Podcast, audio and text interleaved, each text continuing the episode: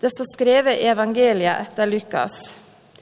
Medan Jesus var på veien til Jerusalem, drog han gjennom grenselandet mellom Samaria og Galilea.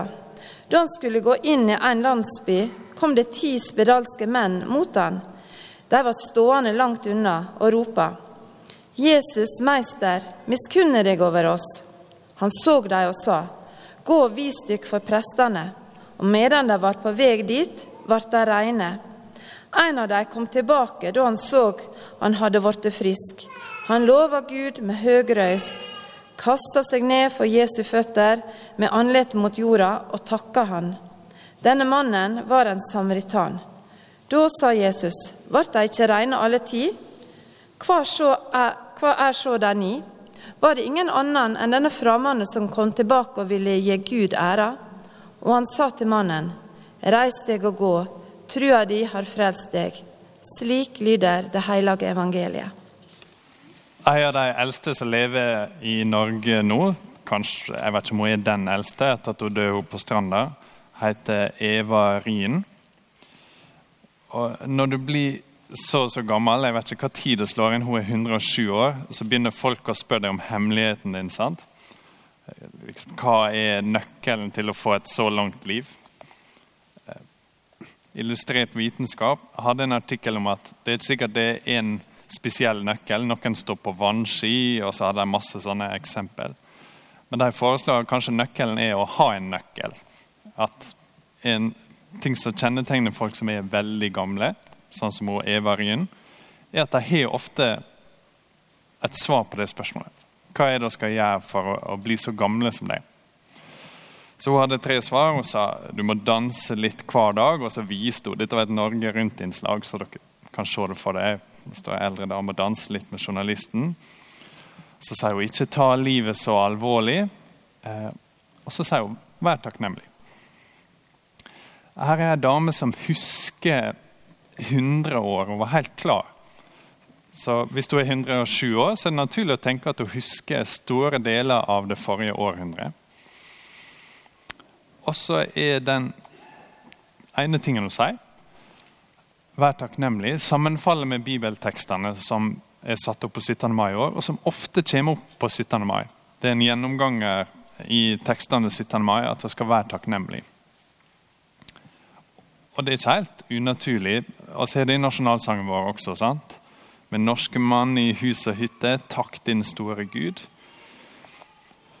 Og så kan av og til det med takknemlighet være en ting som vi misforstår litt.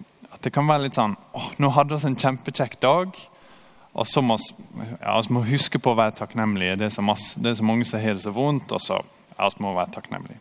Litt sånn som når du har hatt det kjekt som unge med å leke på rommet ditt. Og så kommer det en litt gretten far og sier nå må du rydde opp. Så er Det sånn, åh, det var så kjekt, men ok, jeg må huske å, huske å rydde opp. Sånn kan det være litt mer takknemlighet på 17. mai. At vi hadde det så gøy og unna så mange gode ting med pølse og is og feiring. ikke sant?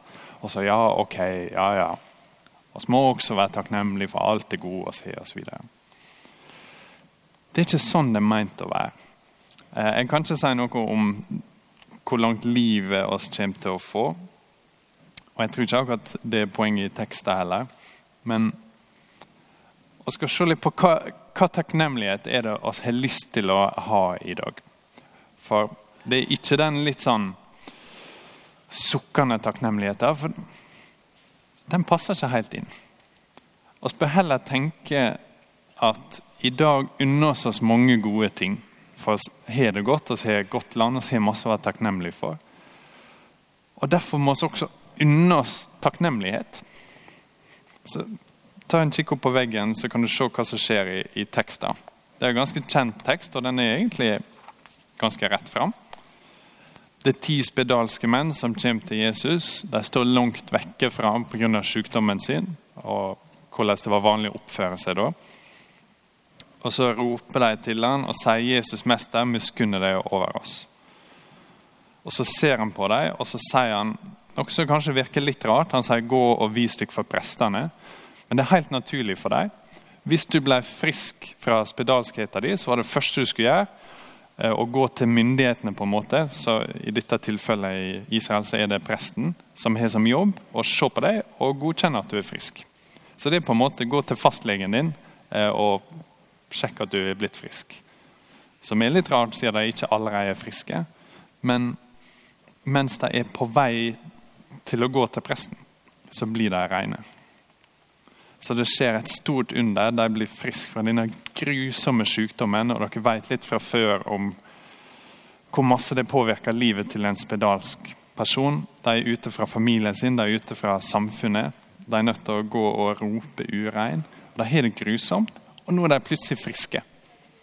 Så det har skjedd noe kjempestort, og de er skikkelig glade. Og de er helt sikkert takknemlige. Og så er det en som kommer tilbake. Vers 15 der. En av dem kom tilbake da han så at han hadde blitt frisk. Han lover Gud med høy røst og kaster seg ned for Jesus' føtter med ansiktet mot jorda og takker han. Så Nå kommer han helt tett på Jesus. sant? Han kaster seg ned ved føttene hans. Og han takker Jesus. Denne mannen var en samaritan. Når denne mannen kommer til Jesus for å takke han, så er det ikke sånn at han er mindre glad enn de andre ni. Det er ikke sånn at de blir alle friske, men så er det den ene som må ta på seg denne litt sånn traurige oppgaven med å gå og takke Jesus for det som er skjedd. Tvert imot så er det motsatt. De er helt sikkert glad alle, det er en stor ting som er skjedd. Men denne mannen unner seg den ekstra gleden av å gå og takke Jesus.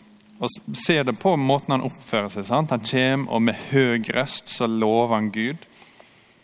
Han kaster seg ned for Jesus sine føtter. Så det virker ikke som han har det så kjipt. Det virker ikke som takknemlighet for han er en ting som trykker han litt ned. Det er en ting som løfter han opp. Og Så går det ganske fort videre her. Jesus spør ble de ikke regnet alle ti. Hvor er så de ni? Var det ingen andre enn denne fremmede som kom tilbake og ville gi Gud ære. Og så sa han til mannen, reis deg og gå. Trua de har frelst deg. Som er en mye, mye større ting. Det er ganske stort å bli helbreda fra å være spedalsk. Det er en større ting å komme til Jesus og høre han si 'reis deg', trua de har frelst deg. Så denne mannen kom med takknemlighet, og plutselig så får han mer av det gode på kjøpet. Han kommer for å takke Jesus for det gode som har skjedd i dette livet. Det er en helt konkret, veldig god ting at han er blitt frisk. Og den trua som han viser i det, sier Jesus, den trua du har, er en frelsende tru. Du har sett hvor det gode kom fra. Du har sett at det var jeg som gjorde det for deg, og du har kommet med et takknemlig hjerte. Og spør La det samme skje med oss i dag. Ikke at vi er spedalske sånn som han var, men med vår synd, med det vonde i oss, med vår sorg. Men også med alt det gode i oss, med takknemlighet vi kjenner på over landet, over heimen vår og familien vår og vennene våre til og med været, for at været å se sant, på 17. mai. Så må vi la dette lede oss videre til den store Gud. Vi må gå og takke vår Gud og vår Far. Vi må takke Jesus. Og la den takknemligheten føre oss til Han i tru. Bygge oss opp i håp og lede oss til ei evig glede. Det er ikke sånn at når vi har ei stor glede på jorda, så blir den mindre av å gå gjennom en takkeprosess til Gud. Den blir større. Vi unner oss gode ting i dag, så ikke stopp her på jorda. Gå til Gud og få evig glede.